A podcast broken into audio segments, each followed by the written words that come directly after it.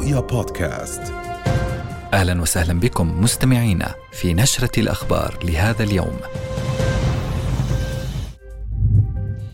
أمام قادة العالم جلالة الملك يتحدث عن مآسي غزة ويؤكد أن تهديدات المناخ تزيد من فظاعة الحرب ونتابع أيضا مع انهيار مفاوضات الهدنة في غزة. الاحتلال يستأنف غاراته وأكثر من مئة شهيد في مناطق متفرقة من القطاع.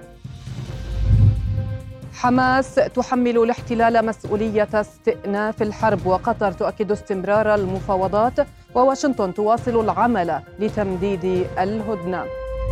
ونتابع أيضا يفتح ملف سرقات الاحتلال لجثامين الشهداء واحتجازهم في مقبرة الأرقام. إذا وفي نشرتنا غضب في الأردن مسيرات حاشدة تنديدا باستئناف الحرب على قطاع غزة. إذا كانت هذه العناوين وإلى التفاصيل.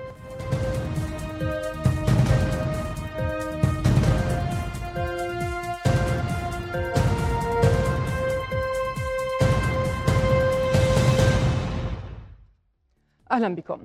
لا يمكن الحديث عن التغير المناخي بمعزل عن المآسي الإنسانية التي نراها حولنا.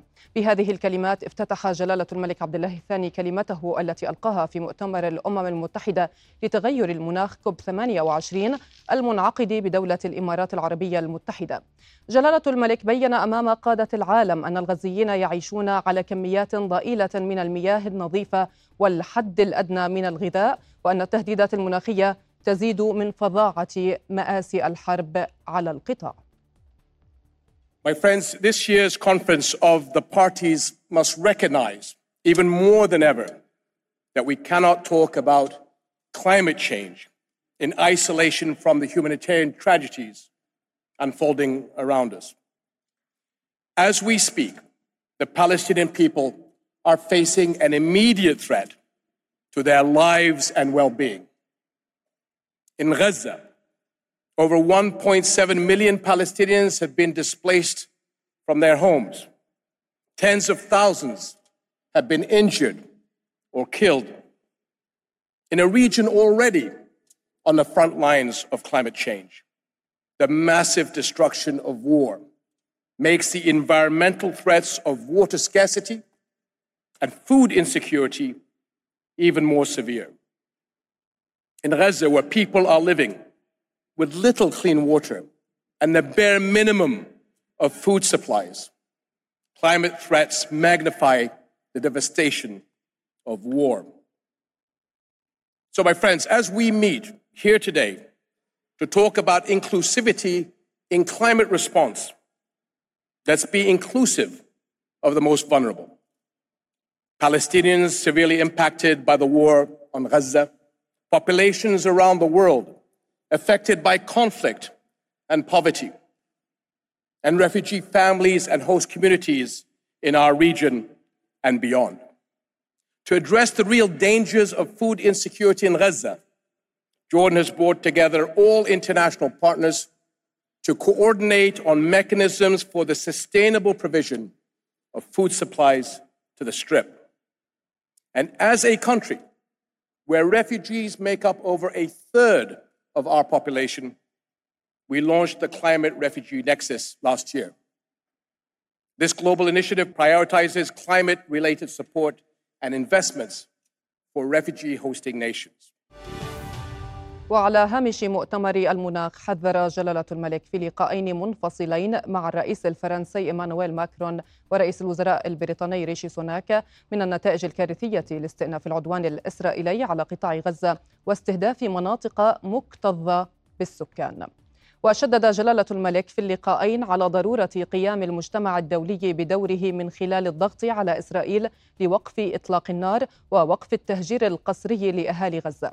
وأكد الملك ضرورة السماح بإدخال المساعدات الإغاثية والطبية بشكل كاف ومستمر إلى القطاع مشددا على ضرورة إدامة عمل المستشفيات ووصول الخدمات من كهرباء وماء ووقود.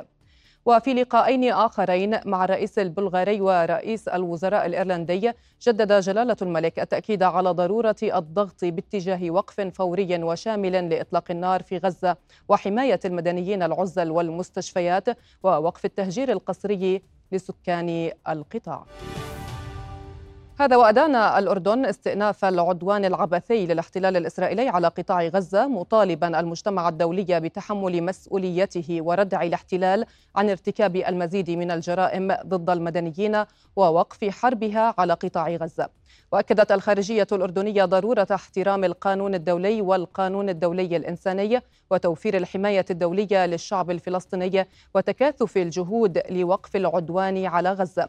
وشددت الخارجية على أن استئناف الحرب يفاقم الكارثة الإنسانية في القطاع وجددت دعوتها للمجتمع الدولي بالتحرك فورا لفرض وقف لإطلاق النار. إذا انهارت الهدنة الإنسانية المؤقتة في قطاع غزة في هذا اليوم وفي تمام الساعة السابعة من صباح اليوم وفي الدقيقة الأولى بعد انقضاء انقضاء الهدنة وحيث شن الاحتلال الإسرائيلي هجمات جوية وقصفا مدفعيا على مختلف مناطق قطاع غزة.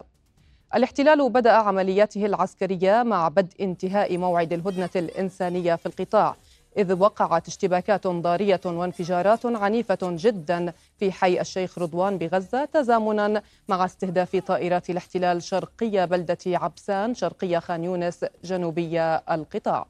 كما استهدفت الغارات مخيم البريج وسط قطاع غزة ورفح جنوبي القطاع وأخرى وسط القطاع بعد تحذيرات أرسلها الاحتلال عبر مناشير للسكان قرارة وخربة الخزاعة وعبسان وبني سهيلة لإخلائها والتوجه إلى الملاجئ في منطقة رفح. معلنا مدينة خان يونس منطقة قتال خطيرة. إذا للوقوف على آخر التطورات في قطاع غزة ينضم إلينا من هناك مراسل رؤيا غازي العلول. أهلا بك غازي. إذا غازي ما هي آخر التطورات الميدانية على الأرض لديك غازي؟ نعم تحية لك إخلاص. بالفعل يتركز القصف الإسرائيلي على المناطق الجنوبية بالتحديد مدينة خان يونس ورفح وأيضا المحافظات الوسطى البريج النصيرات المغازي وكذلك منطقة المغراقة هذه المناطق التي اعتبر الاحتلال بأنها مناطق آمنة آه، في المرحلة الأولى من هذه العملية العسكرية البرية وطالب السكان بضرورة التوجه إلى هذه المناطق. الآن يبدأ مرحلة آه، ثانية ويتركز القصف على المناطق الجنوبية. طالب صباح هذا اليوم من خلال إلقاء مناشير أو منشورات على سكان آه، المناطق الشرقية من مدينة خان يونس خزاعة الزنة عبسان الكبيرة الفخاري وكذلك القرار بضرورة الذهاب والتوجه إلى أقصى الجنوب باتجاه محافظة رفح وهو الأمر الذي بالفعل أربك الفلسطينيين هنا ودعاهم إلى يعني أو زاد عندهم القلق. بعض هذه العائلات بالفعل استجابت لهذه التهديدات وشهدنا حركة نزوح غير اعتيادية وصولا إلى وسط مدينة خان يونس. هناك عائلات بالفعل حملت أمتعتها وجاءت إلى وسط مدينة خان يونس أو حتى المناطق الغربية منطقة المواصي خشية تنفيذ هذه التهديدات وبالفعل الاحتلال نفذ ذلك من خلال استمرار القصف على المناطق الجنوبية بالإضافة إلى أنه قال أنه لم يستكمل حتى هذه اللحظة آه، آه، آه، مهمته في شمال القطاع ومدينة غزة وقال بأنه أنجز فقط 40 من المئة من هذه المهمة وهذا يدلل على أن كل قطاع غزة لم يعد آمنا. استمر القصف منذ اللحظة الأولى وحتى هذه اللحظة وصل عدد الشهداء وفق آخر التقديرات إلى 130 شهيدا جلهم من الأطفال والنساء وذلك دون أن يلتفت العالم أو حتى أن يلقي الاحتلال بالا لكل النداءات ورسائل الشجب والاستنكار حول جريمته الممتدة. هذه الإبادة الجماعية التي يتعرض لها الفلسطينيون هنا. عمليا يمكن القول بأن الأوضاع الإنسانية عادت لتتفاقم ولتزداد سوءا مع إغلاق معبر رفح وعدم سماح الاحتلال بإدخال أي من المساعدات أو شاحنات المحملة بالمساعدات إلى قطاع غزة وكل الرسائل تؤكد بأن التفاوض لا زال مستمرا وهذا الأمر أو هذا هو بارقة الأمل بالنسبة للفلسطينيين الذي من خلاله يعني يأملون أن يتم التوصل مجددا إلى هدى إنسانية أو وقف إطلاق نار شامل. نامل ذلك ولكن نظرا آه، غازي للأيام قبل بدء الهدنة التي تم التوصل إليها ونظرا لما يحدث الآن في قطاع غزة، هل آه، اليوم هو الأكثر شدة من القصف الإسرائيلي على قطاع غزة أم أن أيام ما قبل الهدنة هي كانت الأكثر شدة؟ ربما إخلاص في المناطق الجنوبية بالفعل هو الأكثر شدة. آه، عندما كان يتركز القصف في المرحلة الأولى كان آه، غالبية الاستهدافات تكون في مناطق شمال القطاع ومدينة غزة. اليوم شهدنا أحزمة نارية في جنوب القطاع هنا في مدينة خان يونس. كذلك في مدينة رفح وهو الأمر الذي يفسره رقم الشهداء. نتحدث عن قرابة 85 شهيدا. في المناطق الوسطى وكذلك جنوب القطاع خان يونس ورفح وبينما وصل عدد الشهداء في المناطق الشمالية الآن إلى 50 شهيدا وفق ما ورد من أنباء أو من وزارة الصحة الفلسطينية في شمال القطاع. أي أنه عمليا كل التركيز والتركيز الأكبر هو في استهداف المناطق الجنوبية. يبقى السؤال لدى الفلسطينيين إلى أين يمكن أن نذهب إذا آه، آه، اعتبر كل قطاع غزة منطقة عسكرية مغلقة. الجيش يقول بأنه لم ينجز مهمته في الشمال. يطالب سكان جنوب القطاع بالذهاب إلى أقصى الجنوب بالتحديد منطقة رفح. وهذا الأمر يدعو للتساؤل هل هناك بالفعل مخطط للتهجير؟ ويحاول الاحتلال الدفع بالمواطنين باتجاه المناطق الجنوبية وصولا إلى سيناء سيما أن جيش الاحتلال كان قد نشر خريطة لقطاع غزة مقسمة إلى بلوكات وفق ما وصف ومرقمه هذه البلوكات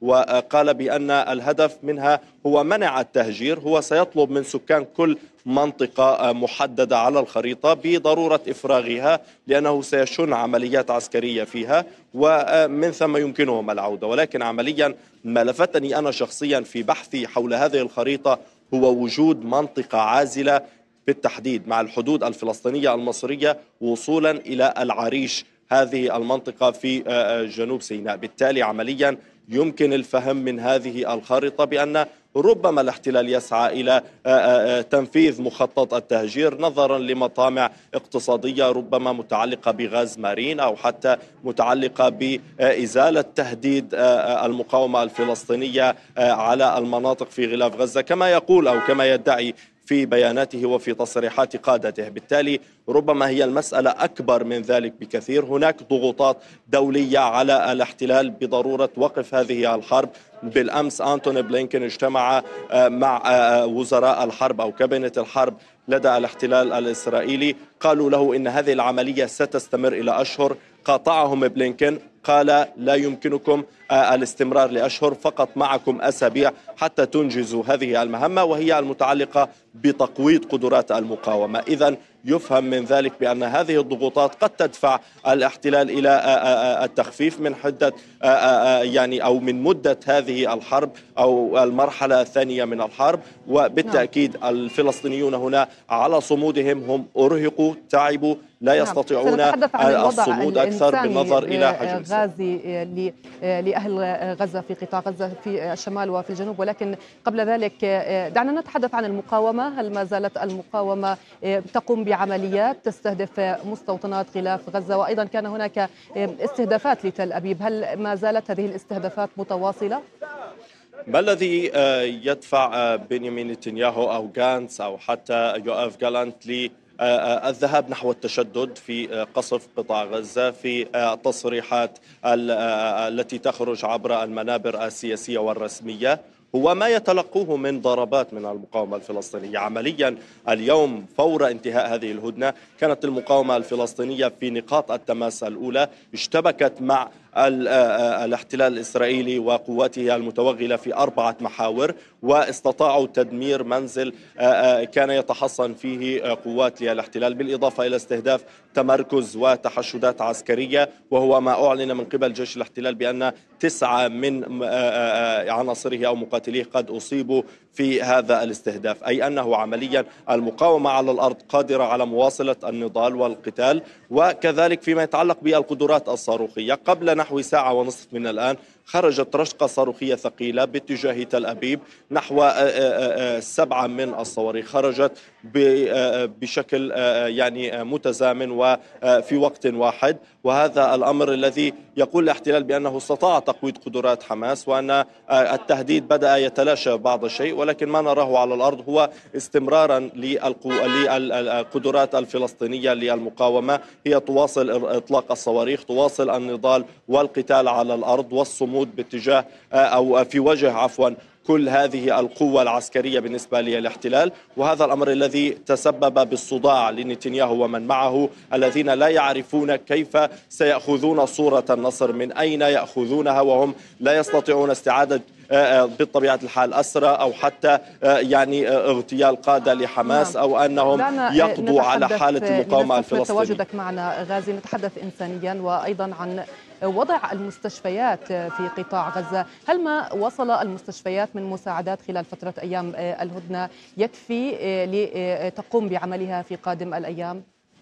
للأسف إخلاص كل ما وصل إلى المستشفيات هي بعض المستلزمات الطبية البسيطة التي لا تلبي حجم الاحتياج أو طبيعة الإصابات ومعالجتها في مستشفيات القطاع. علما أننا نتحدث عن 20 مستشفى خرجت عن الخدمة بالإضافة إلى آه، آه، يعني اضطرار وزارة الصحة والمستشفيات في جنوب القطاع لإنشاء أو إقامة مستشفيات أو عفوا أقسام ميدانية داخل الساحات لاستقبال عدد أكبر من الإصابات ومحاولة علاجها. هذه المرافق تفتقر ل آه، يعني الأجهزة والأدوات الطبية اللازمة لعلاج طبيعة الإصابات التي تصل نتيجة الاستهدافات. براميل متفجرات تنهال على منازل المدنيين. صواريخ غريبة آه، آه، تتسبب بحروق وتتسبب بتهشم في العظام وتهشم في الأعضاء الداخلية. هذه الإصابات تحتاج لتطور طبي ليس موجودا في قطاع غزة. بالنظر إلى الحصار الذي شهده القطاع كل هذه الظروف بالتأكيد تقوض من قدرة المنظومة الصحية على التعاطي مع مثل هذا الظرف. بالنسبة أيضا إلى آه، آه، آه، المستلزمات الطبية التي دخلت هي شحيحة للغاية أمام حجم هذه الإصابات الكبيرة. لكن تبقى بارقة الأمل فيما يتعلق بهذه القضية هو المستشفيات الميدانية التي وصلت إلى قطاع غزة على غرار المستشفى الميداني الأردني والمستشفى الميداني الإماراتي الذي بالفعل سيباشر العمل. وكان من المفترض أن يبدأ ويفتتح اليوم ولكن نظرا للأحداث الميدانية قد أجل. أما المستشفى الميداني الأردني فبالتأكيد منذ أيام باشر وبدأ العمل واستقبل بعض المراجعين وبعض الإصابات من مجمع ناصر هنا وبدأ يخفف من حدة الكارثة الإنسانية والصحية للمنظومة الصحية هنا في قطاع غزة. نعم. شكرا جزيلا مراسل رؤية في قطاع غزة غازي العلول كنت معنا. شكرا جزيلا لك. إذا مع انتهاء الهدنة واستئناف غارات الاحتلال على قطاع غزة ردت المقاومة الفلسطينية بقصف تل أبيب وعسقلان وسديروت وأسدود وبئر السبع. كما استهدفت قاعدة رعيم وموقع كسوفيم في غلاف قطاع غزة برشقات صاروخية مكثفة. وفي الأثناء دارت اشتباكات مسلحة عنيفة بين المقاومة وقوات الاحتلال في محاور عدة من بينها محيط مستشفى الرنتيسي وبيت حنون وتل الهوى وحي النصر والشيخ رضوان بمدينة غزة. وأعلنت المقاومة قصف تجمعات لقوات الاحتلال شمال غرب مدينة غزة برشقات من منظومة صواريخ رجوم وقذائف هاون. في حين ذكرت مصادر عبرية أن أربعة جنود أصيبوا في معارك شمالية قطاع غزة. ولاحقا أعلن جيش الاحتلال ارتفاع عدد الإصابات في صفوفه إلى تسعة منذ انتهاء الهدنة في قطاع غزة. أعلنت وزارة الصحة في قطاع غزة ارتفاع عدد ضحايا عدوان الاحتلال الإسرائيلي منذ انتهاء الهدنة إلى 109 شهداء إضافة إلى مئات الجرحى.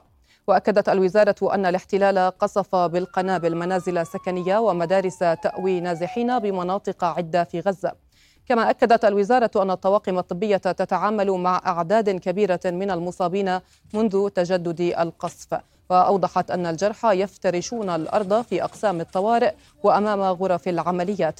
ووصفت الوزارة الواقع الصحي في شمال القطاع بالمؤلم والكارثي. كما أكدت أن مستشفيات الجنوب مستنزفة مطالبة المؤسسات الأممية بتدخل سريع لإنقاذ الوضع الصحي المتأزم وإمداد المستشفيات بالمساعدات الطبية والوقود. من جانبه أعلن دفاع مدني شمال غزة تحرك عناصره دون آليات إلى الأماكن المستهدفة لمحاولة إنقاذ الجرحى في ظل غياب الوقود وعدم وجود آليات تعمل في المنطقة. إذا للوقوف على آخر التطورات في الضفة الغربية ينضم إلينا من هناك حافظ أبو صبرة من مدينة نابلس وأسيل سليمان من رام الله. أهلا بكما أبتدئ وإياك. حافظ إذا يعني ما هي آخر التطورات الميدانية؟ حافظ في مدينة نابلس وأيضا في المناطق المجاورة لمدينة نابلس. يعني ميدانيا كان هناك مواجهات سجلت في أكثر من موقع في قرى جنوب المدينة ومن بين آه هذه المواقع كان هناك عدة إصابات نقلت صوب مستشفيات مدينة نابلس عبر طواقم الهلال الأحمر الفلسطيني. هذه المواجهات متجددة بشكل يومي ومستمر سيما في ظل استمرار اقتحامات ومداهمات الاحتلال لهذه المواقع. لكن أبرز ما يدور في محيط شمال الضفة الغربية وحتى في وسطها هو رصد المواطنين لهذه الرشقات الصاروخية مع الخامسة بالتوقيت المحلي.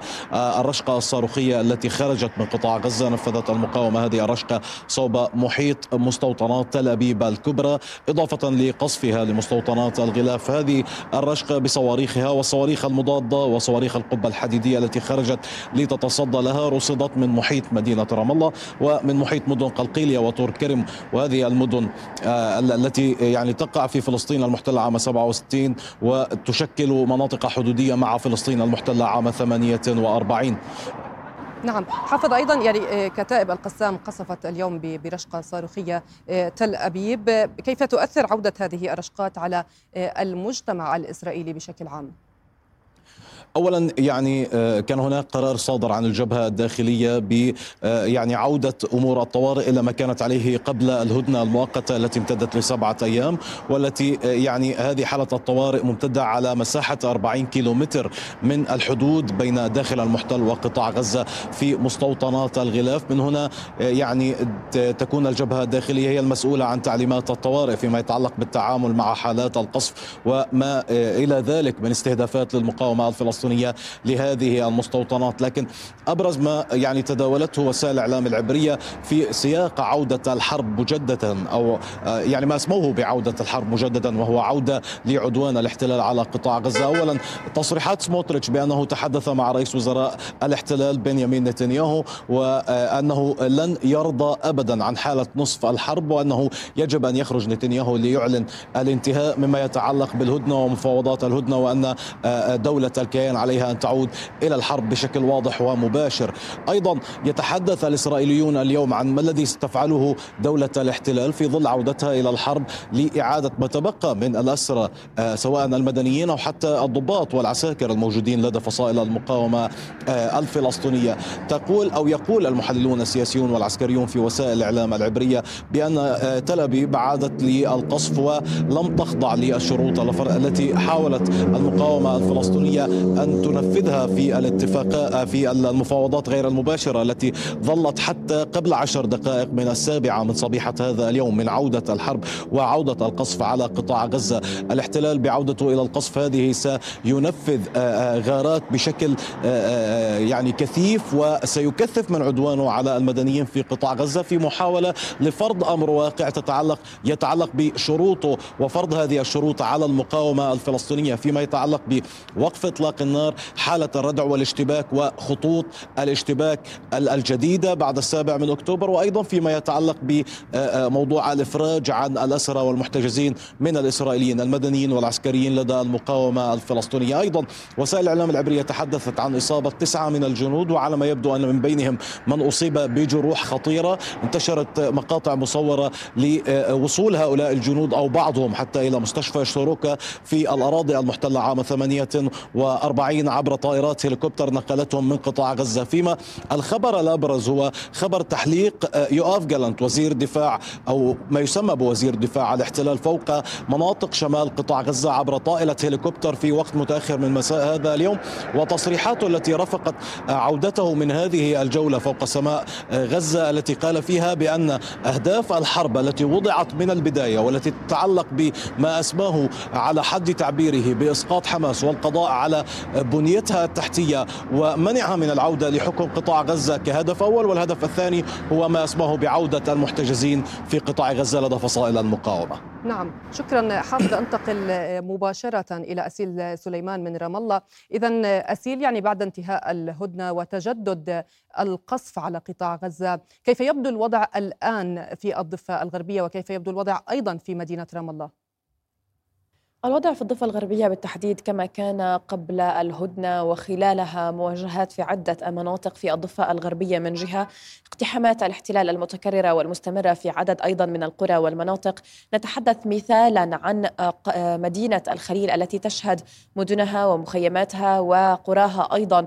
اقتحامات خلال هذه الساعات من قبل قوات الاحتلال. بلدة سعير مثلا شرق الخليل سجلت فيها إصابة لطفل يبلغ من العمر 17 عاما. برصاص الاحتلال الحي في البطن كما سجلت عدة إصابات بالاختناق بالغاز المسيل للدموع خلال مواجهات اندلعت في البلدة عندما حاولت قوات الاحتلال اقتحامها. في مخيم الفوار أيضا في مدينة الخليل على مدخله اندلعت مواجهات بين قوات الاحتلال والشبان. تم تسجيل عدة إصابات بالاختناق أطلقت قوات الاحتلال الرصاص الحي. وأيضا مثلا في آه، آه، دورة في قضاء الخليل بلدة دورة قضاء الخليل آه، أصيب عدة شبان ب يعني إصابات وصفت بالمتوسطة جراء اعتداء قوات الاحتلال عليهم بالضرب المبرح ونقلوا للمستشفيات لتلقي العلاج. نتحدث عن هجمة شرسة من قوات الاحتلال على مناطق مختلفة سواء بالاعتقالات التي وصلت حصيلتها منذ الليلة الماضية وحتى اليوم إلى أكثر من 12 حالة اعتقال في أنحاء متفرقة من الضفة الغربية. ما يرفع حصيلة الاعتقالات منذ السابع من أكتوبر وحتى اليوم إلى 3400 آه، آه، معتقل جديد اعتقلوا خلال هذه الفترة. نتحدث عن فترة شهرين فقط أو أقل من شهرين حتى ومع هذا العدد الكبير من الأسرى آه، الجدد. وبالإشارة إلى موضوع الأسرى الجدد في الحقيقة خلال أيام الهدنة تمت مبادلة أو تم أو قام الاحتلال آه، بالإفراج عن 210 أسرى فلسطينيين. بالمقابل اعتقل 260 آه، آه، أسير جديد فلسطيني من مختلف أنحاء الضفة الغربية ما. يعني أن المعادلة ليست متكافئة حتى بل إنه لا يمشي في طريق الاستجابة لربما لمطالب حماس أو المقاومة بتبييض السجون ولو حتى مجبرا.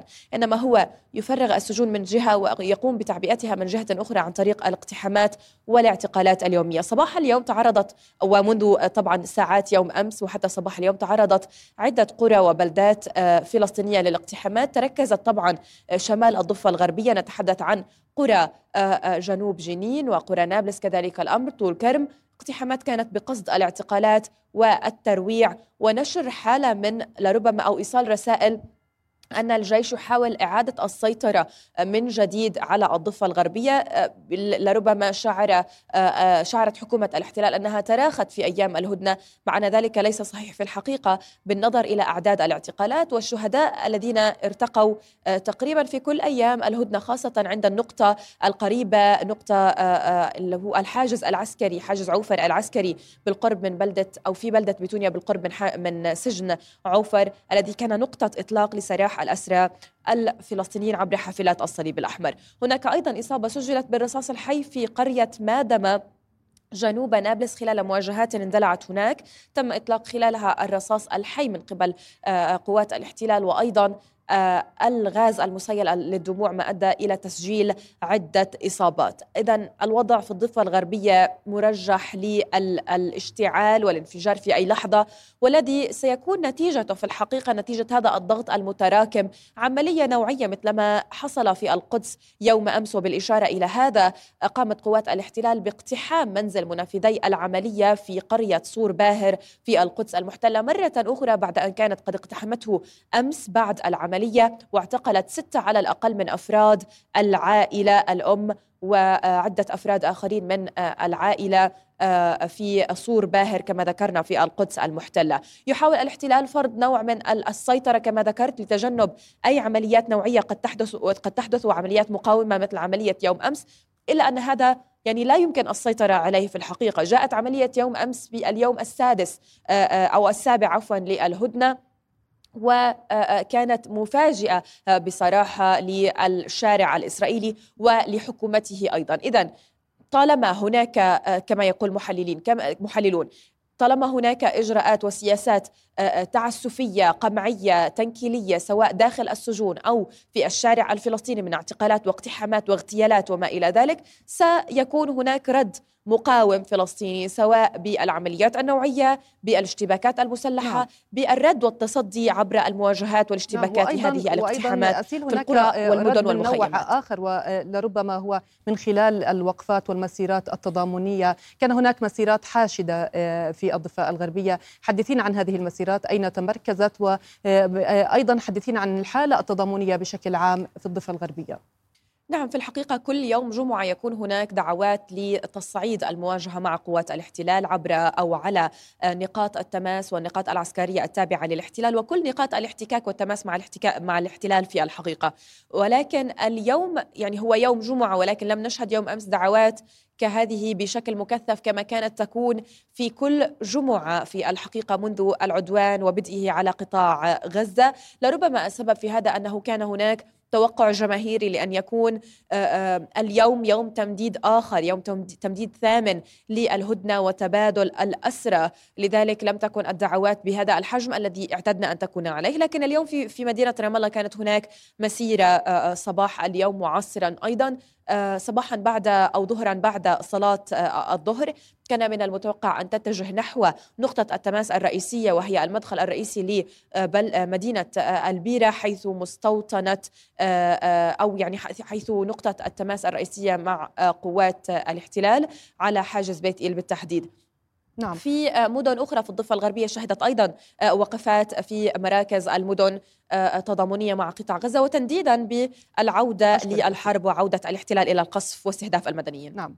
شكرا جزيلا مراسلة رؤيا في مدينة رام الله أسيل سليمان كنت معنا. وأيضا الشكر موصول لمراسل رؤيا حافظ أبو صبرة كان معنا من مدينة نابلس. شكرا جزيلا.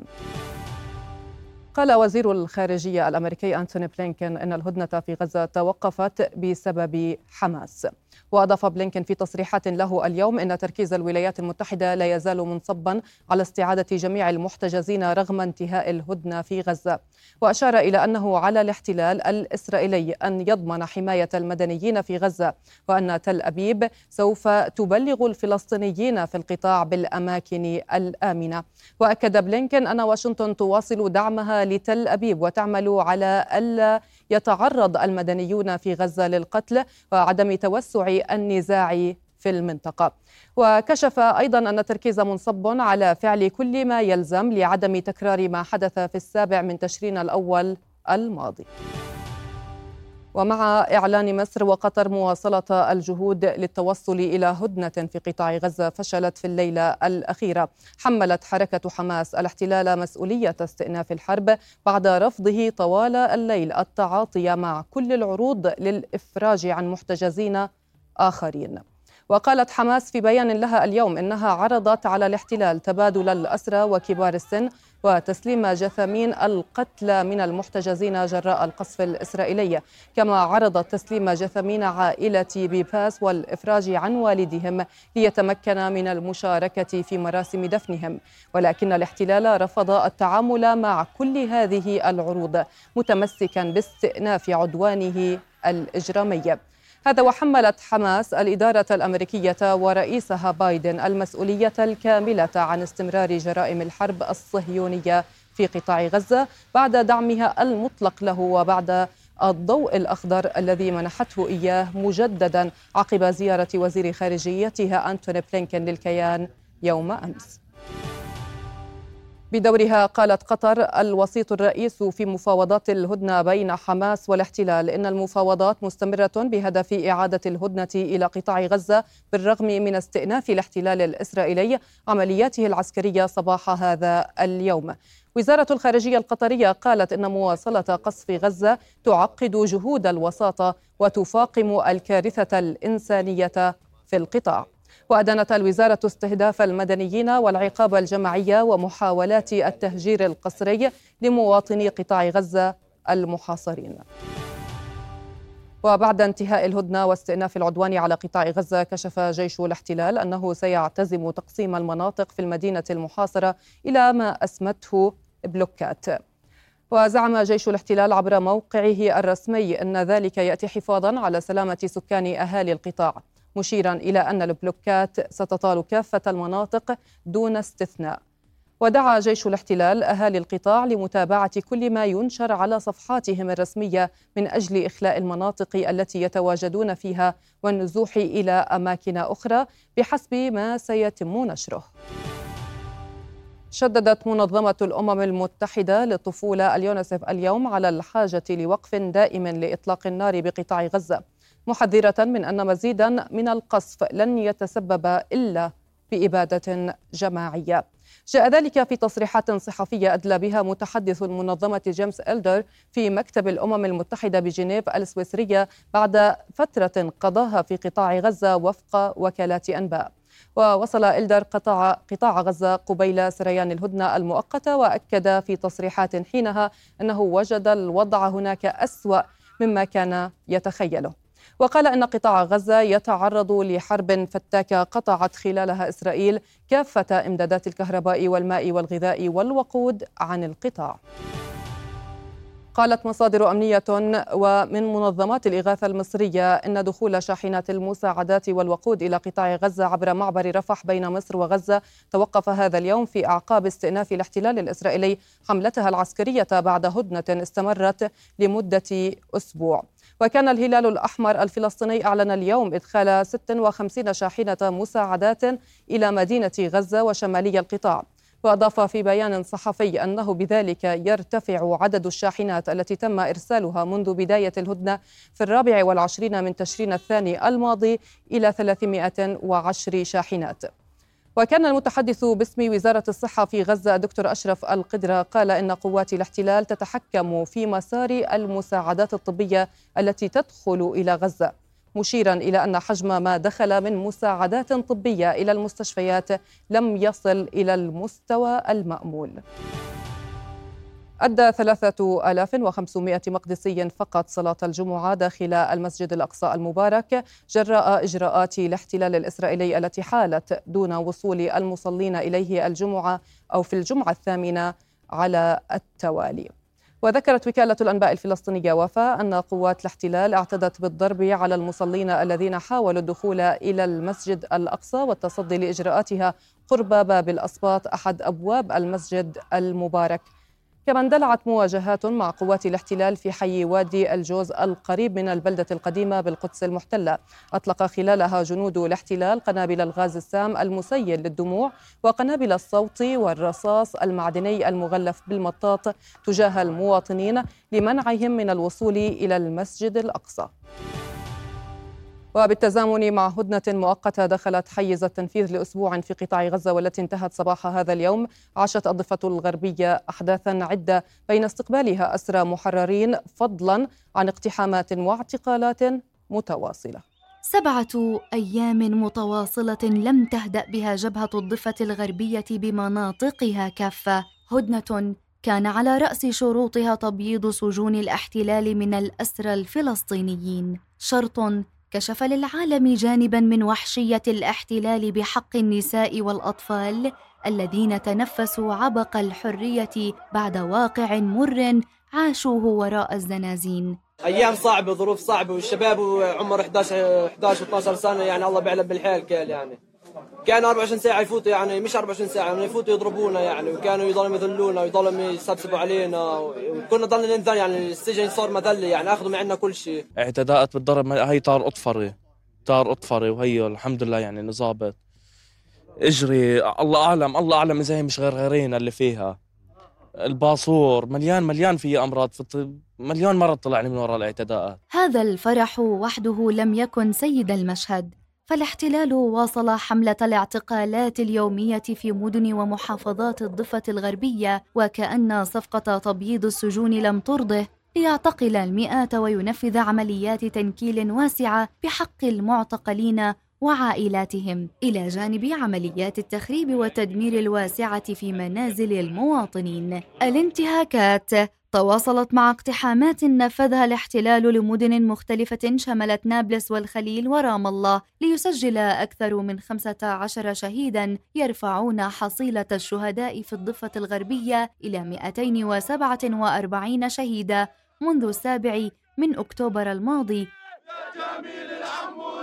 الاجتياح الأبرز كان لجنين. إذ حاصرت قوات الاحتلال المخيم وسط اشتباكات مسلحة مع مقاومين في عدوان وصف بالأوسع.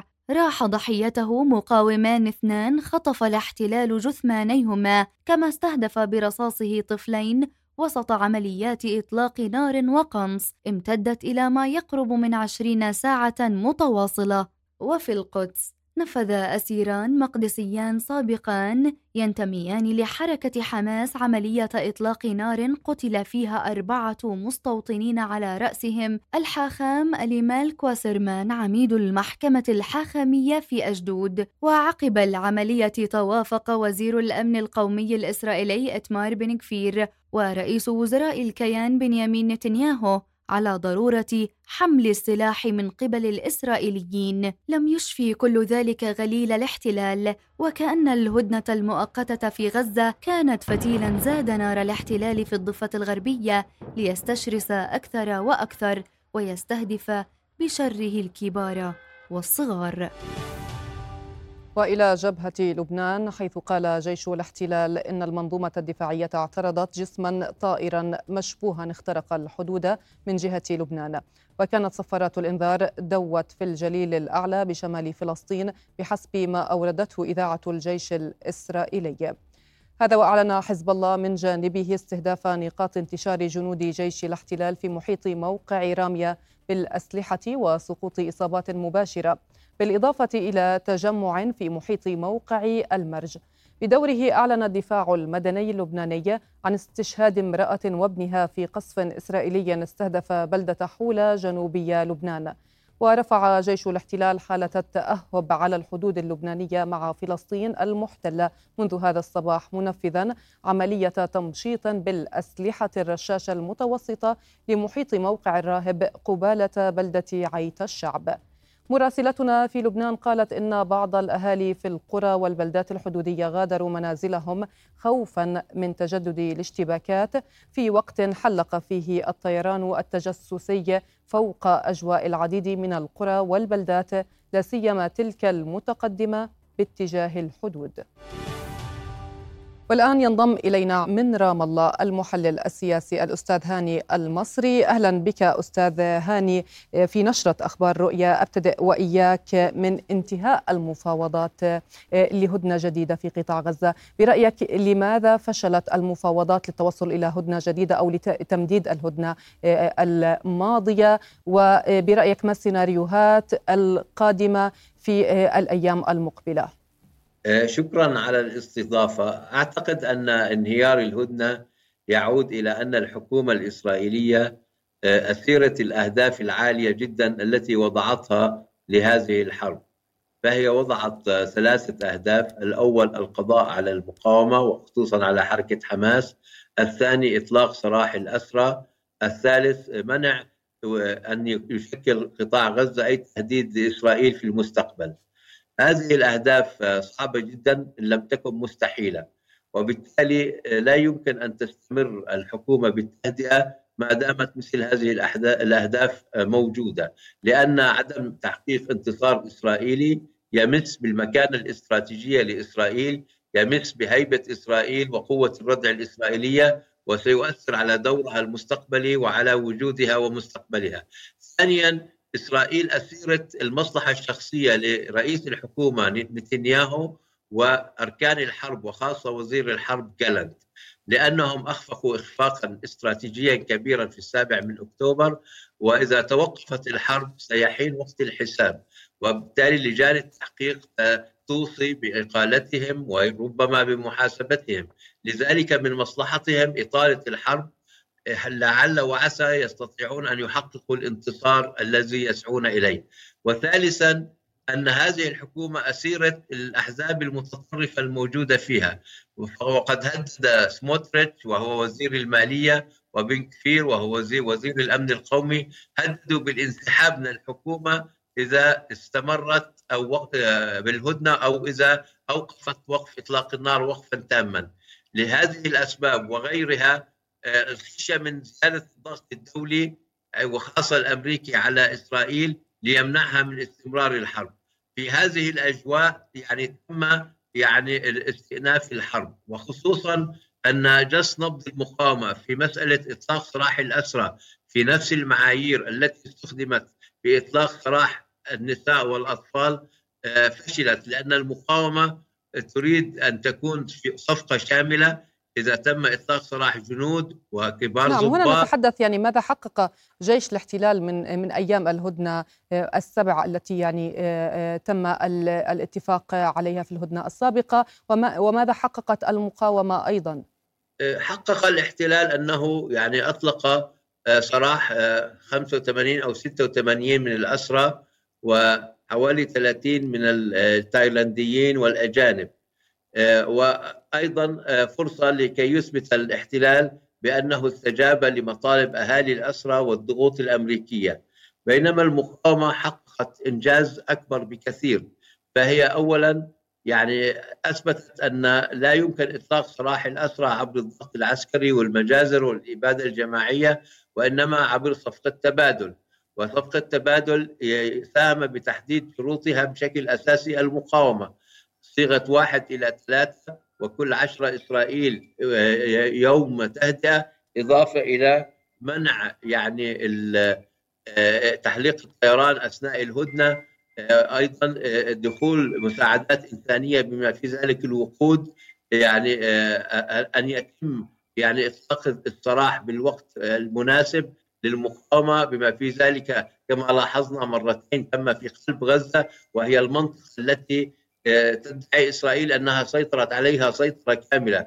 عندما سلمت المقاومة المحتجزين في هذا الوقت هذا رساله بأن شمال قطاع غزة لا يزال حرا ولا يخضع في معظمه للمقاومة. والآن هناك مسؤولين إسرائيليين صرحوا اليوم للصحافة الأمريكية بأن القوات الإسرائيلية تسيطر على 40% من آه، شمال قطاع غزة. والحقيقة أنها تسيطر على أقل من ذلك بكثير اذا نعم. المقاومة ظهرت بأنها ند لإسرائيل واستفادت من هذه الفترة لالتقاط لكن لماذا يظهرون عكس عكس ما يحدث في قطاع غزة؟ لماذا يعني يزودون الصحف الأمريكية بمعلومات غير صحيحة بما بما يخص معركتهم تحديدا معركتهم البرية وانتشار جنودهم في قطاع غزة تحديدا في الشمال؟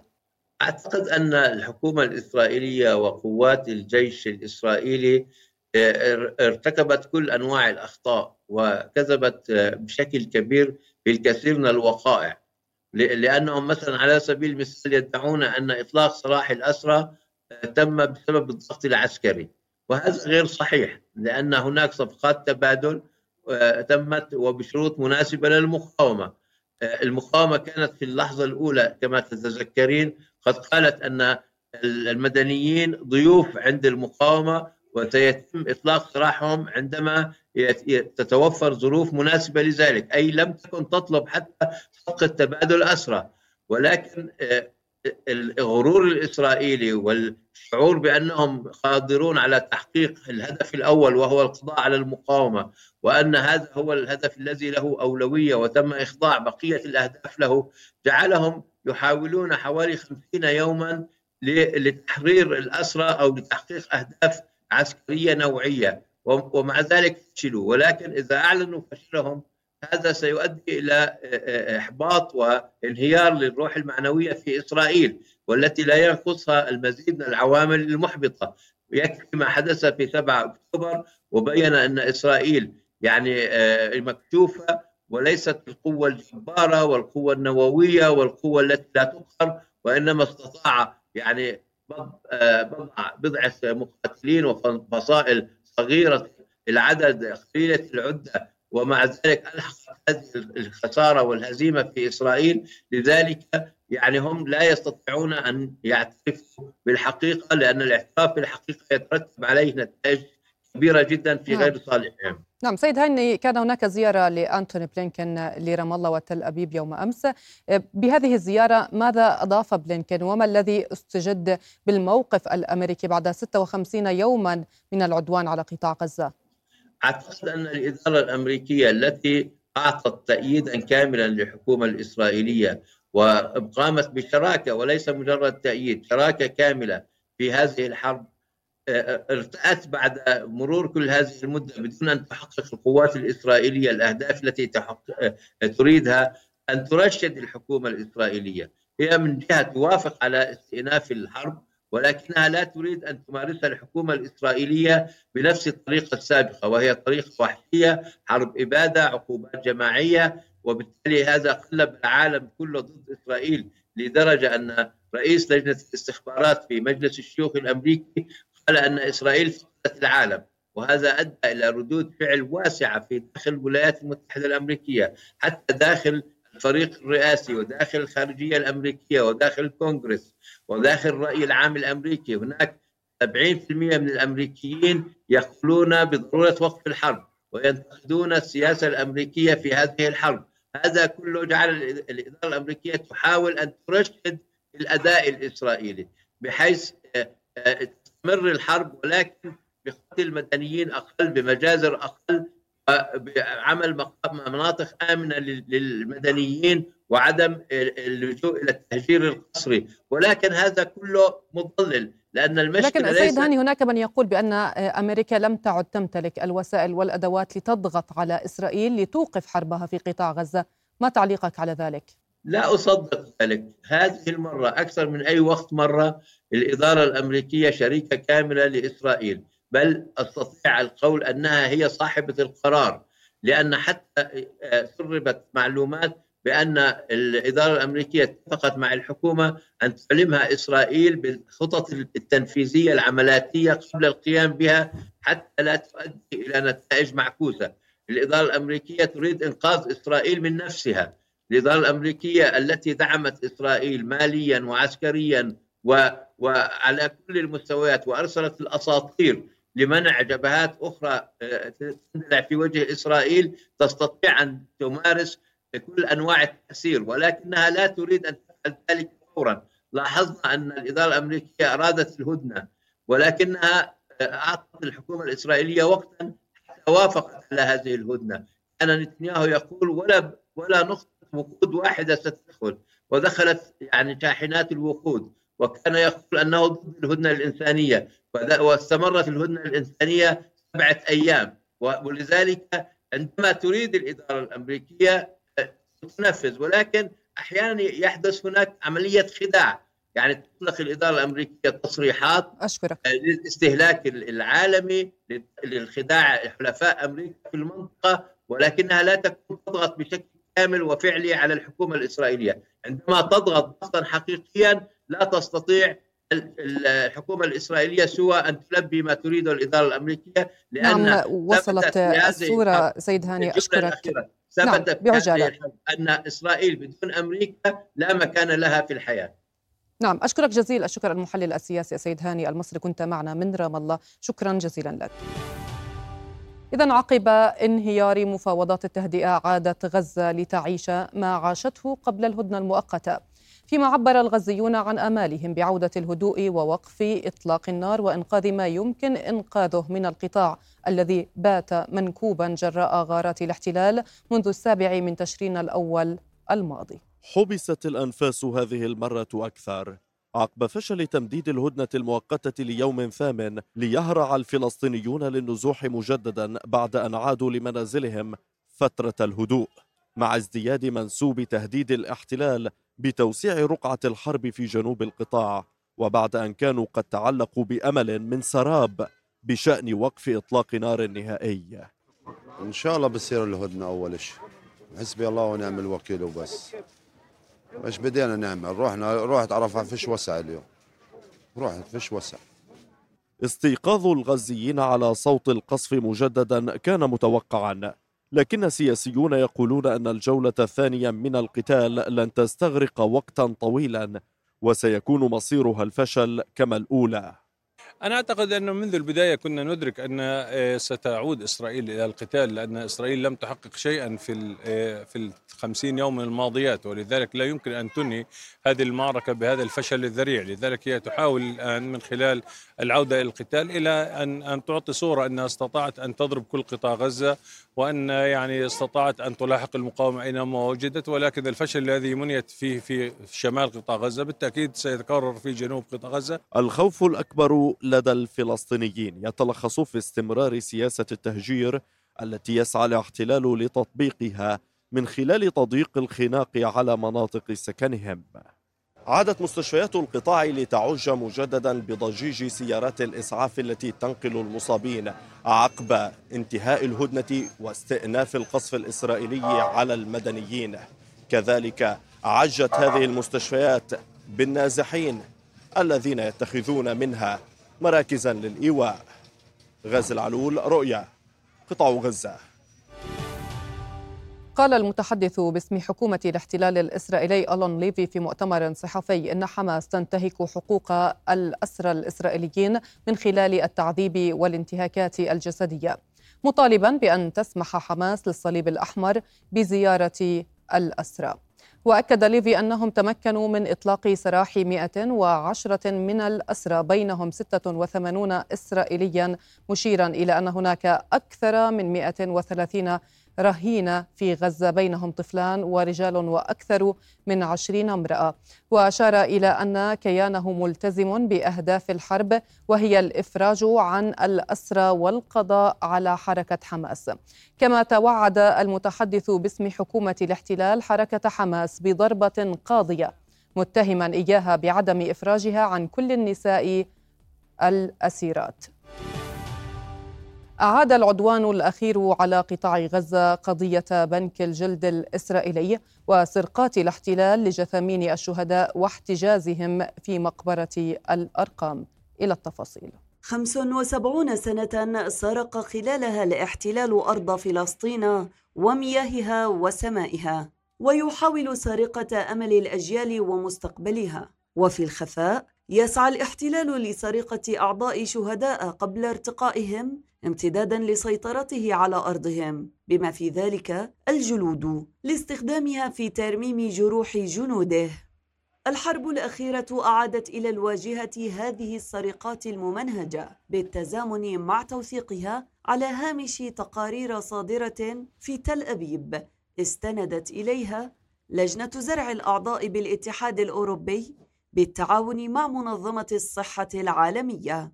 تظهر أن الاحتلال يحل في المرتبة الثالثة والثلاثين بين 55 دولة أوروبية بزرع الأعضاء. وفي ذات التقرير جاء أيضا بالدرجة الثامنة عشر نسبة إلى عمليات زراعة القلب الذي لا يمكن أن يؤخذ إلا لحظة وفاة المتبرع لكنه يحتل المرتبة الثالثة عالميا. في رفض التبرع بالأعضاء تأسس بنك الجلد الإسرائيلي عام 1985 بالاستناد إلى دراسة امتدت 12 سنة منذ حرب تشرين التحريرية بهدف إيجاد حلول لمعالجة الجرحى من جنود الاحتلال.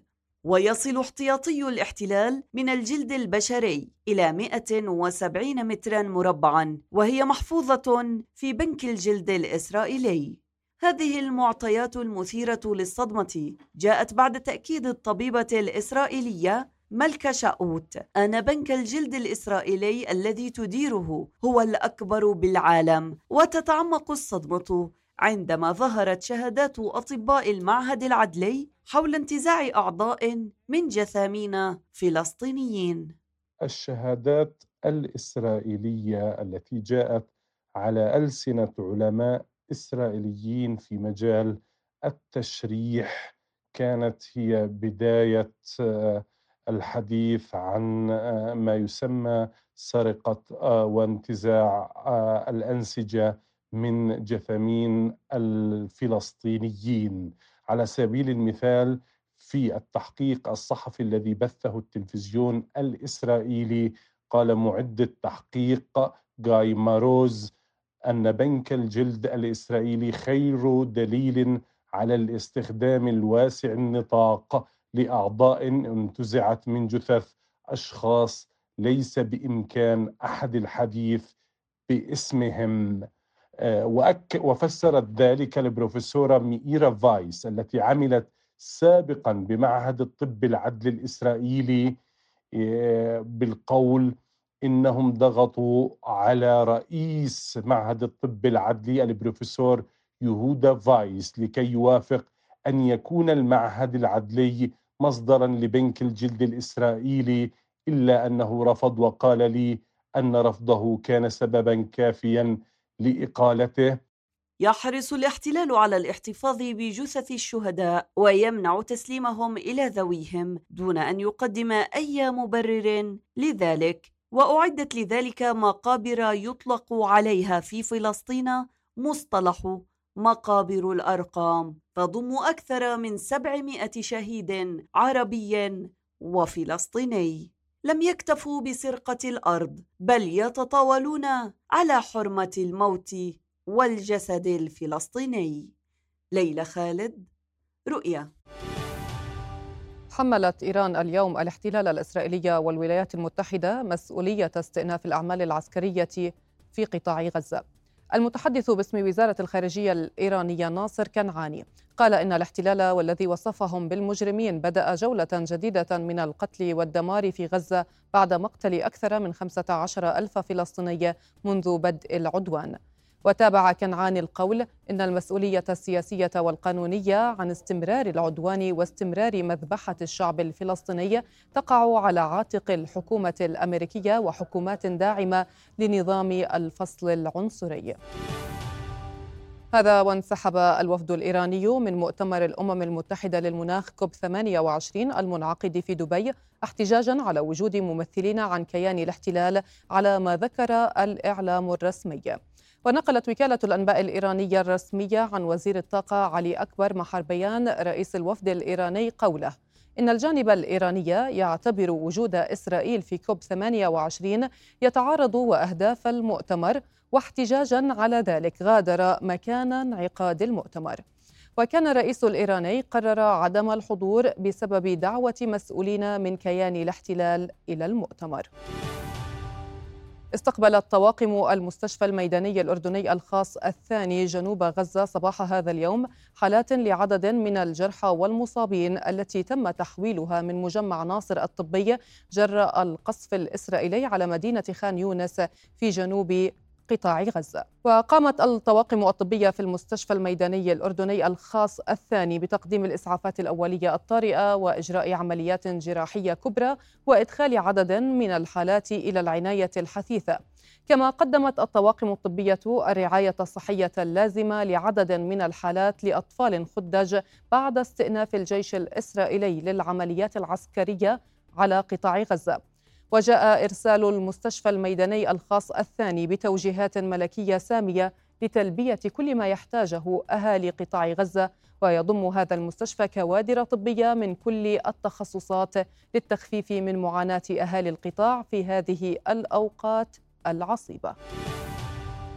أكد الناطق الرسمي باسم وزارة الخارجية وشؤون المغتربين السفير سفيان لقضا رفض وإدانة الأردن الشديدين لاستئناف عدوان الاحتلال الإسرائيلي على قطاع غزة. وطالب المجتمع الدولي بتحمل مسؤولياته وردع تل أبيب عن ارتكاب المزيد من الجرائم ضد المدنيين ووقف حربها العبثية على قطاع غزة. وقال لقضاء في حديث لبرنامج حلوة يا دنيا عبر رؤيا إن استئناف العدوان على غزة يفاقم الكارثة الإنسانية في القطاع. تم تنفيذ الخطة اللي آه، تستدعي في مثل هذه الظروف. فكان في بداية أول هم إلنا نجمع نحط قاعدة بيانات عدد أعداد الأردنيين الموجودين حتى نعرف الحجم اللي إحنا بدنا نتعامل معه أه لحد هذا اليوم أو صباح هذا اليوم مجموع أعداد الأردنيين اللي تم حصرهم منذ بداية الحرب إلى اليوم واللي يرغبون بأنهم يغادروا قطاع غزة أبدوا رغبتهم بالمغادرة 824 مواطن أردني. آه عام على عملنا عدة عمليات إجلاء. آه آه خرج منهم لحد الآن أو أجلينا منهم إلى المملكة 449 آه، مواطن أردني يعني آه، باقي آه، النصف تقريبا أو أقل من النصف تقريبا المتبقي. يعني نعم. تحييها أنت تحييها قصص الناس التي بتصمد على الأرض نعم وبتتحمل. بتشوف فيديوهات لأطفال صغار لناس بقول لك أنا باقي هنا مش مش نعم. مش راح أغادر. نعم. في نفس الوقت تسمع قصص لابناء آه، أردنيات. كمان يعني تفطر القلب بصراحة. يواصل الأردنيون في كل جمعة منذ السابع من تشرين الأول الماضي وبدء العدوان على قطاع غزة. الخروج بمسيرات حاشدة في عمان ومختلف محافظات المملكة تنديدا بجرائم الاحتلال في القطاع. هذه الوقفات تطالب المجتمع الدولي بتحمل مسؤوليته وردع الاحتلال من ارتكاب المزيد من الجرائم ضد المدنيين العزل في قطاع غزة. ومن الرابية في العاصمة عمان ينضم إلينا الآن مراسلنا يوسف أبو رمان. أهلا بك يوسف.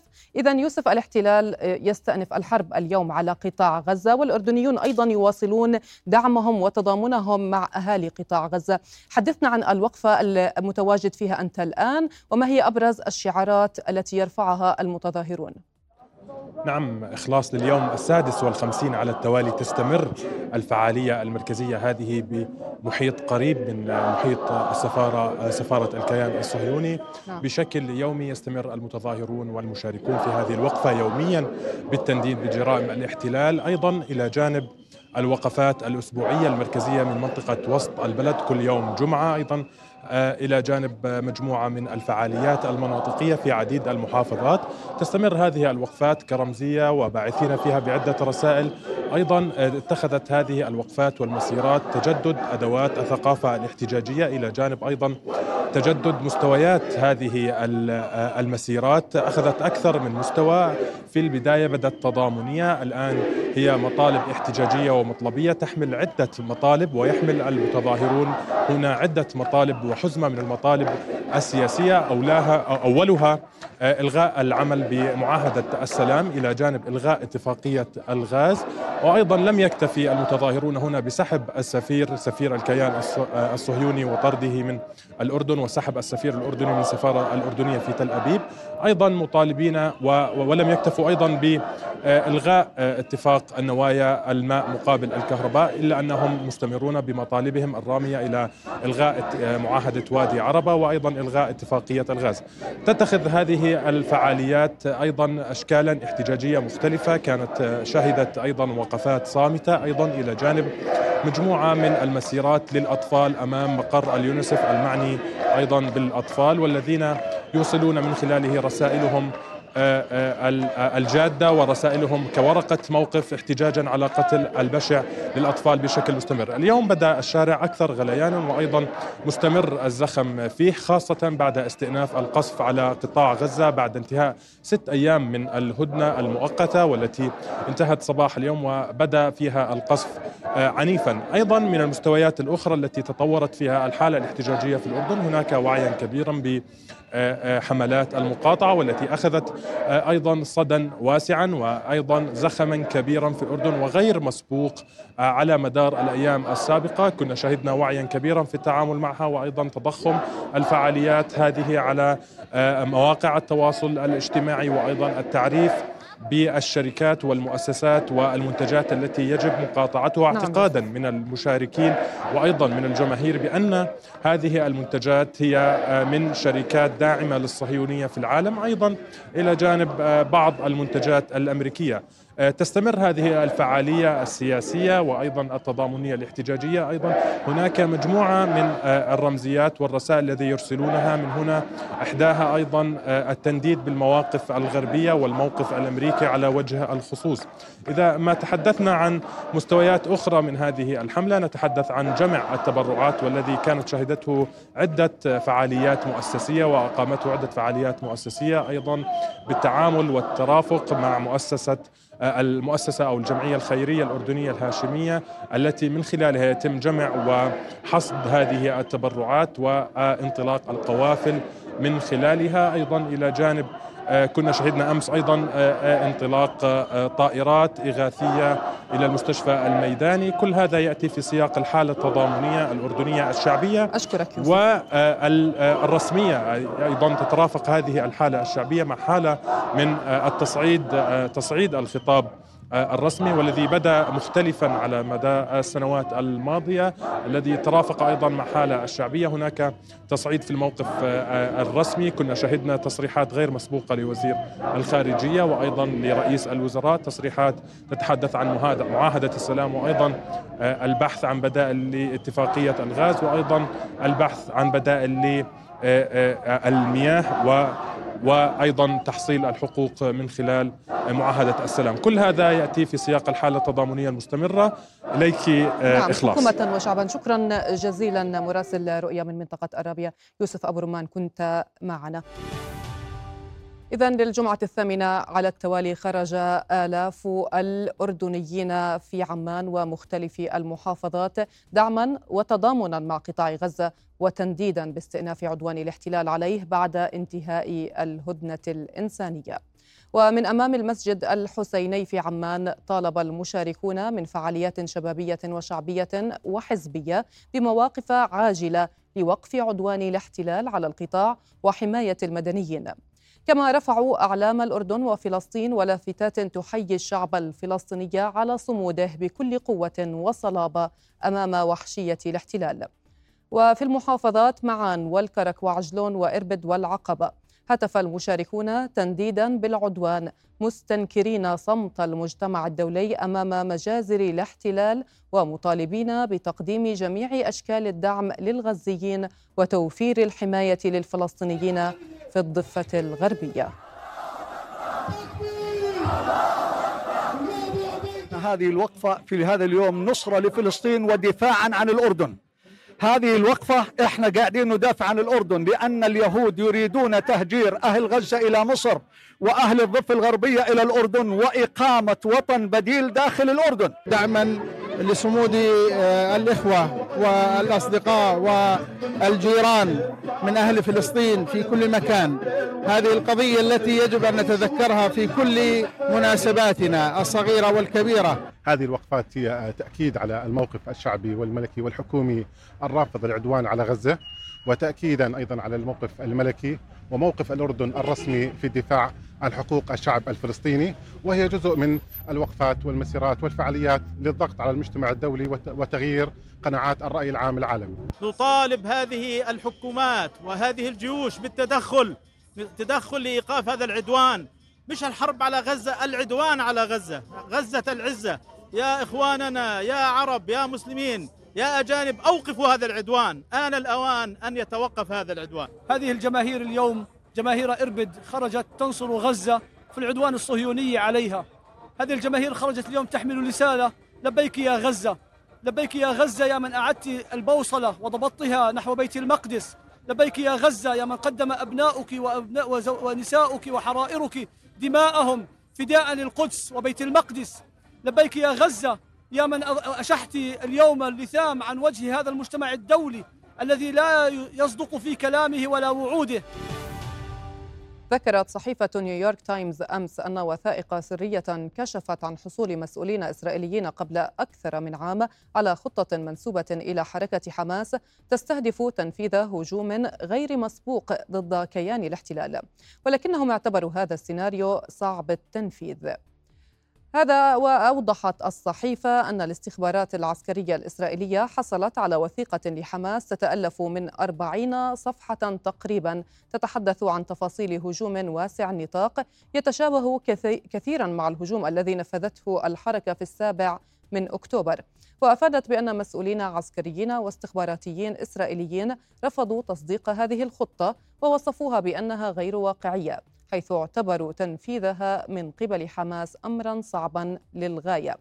ولم تحدد الوثيقة موعدا لأي هجوم محتمل ولكنها حددت نقاطا دقيقة لاستهداف مدن وقواعد عسكرية.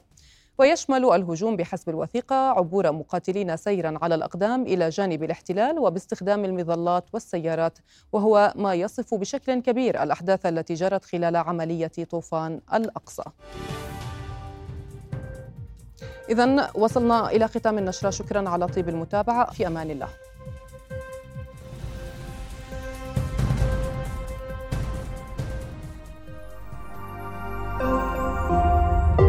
رؤيا بودكاست.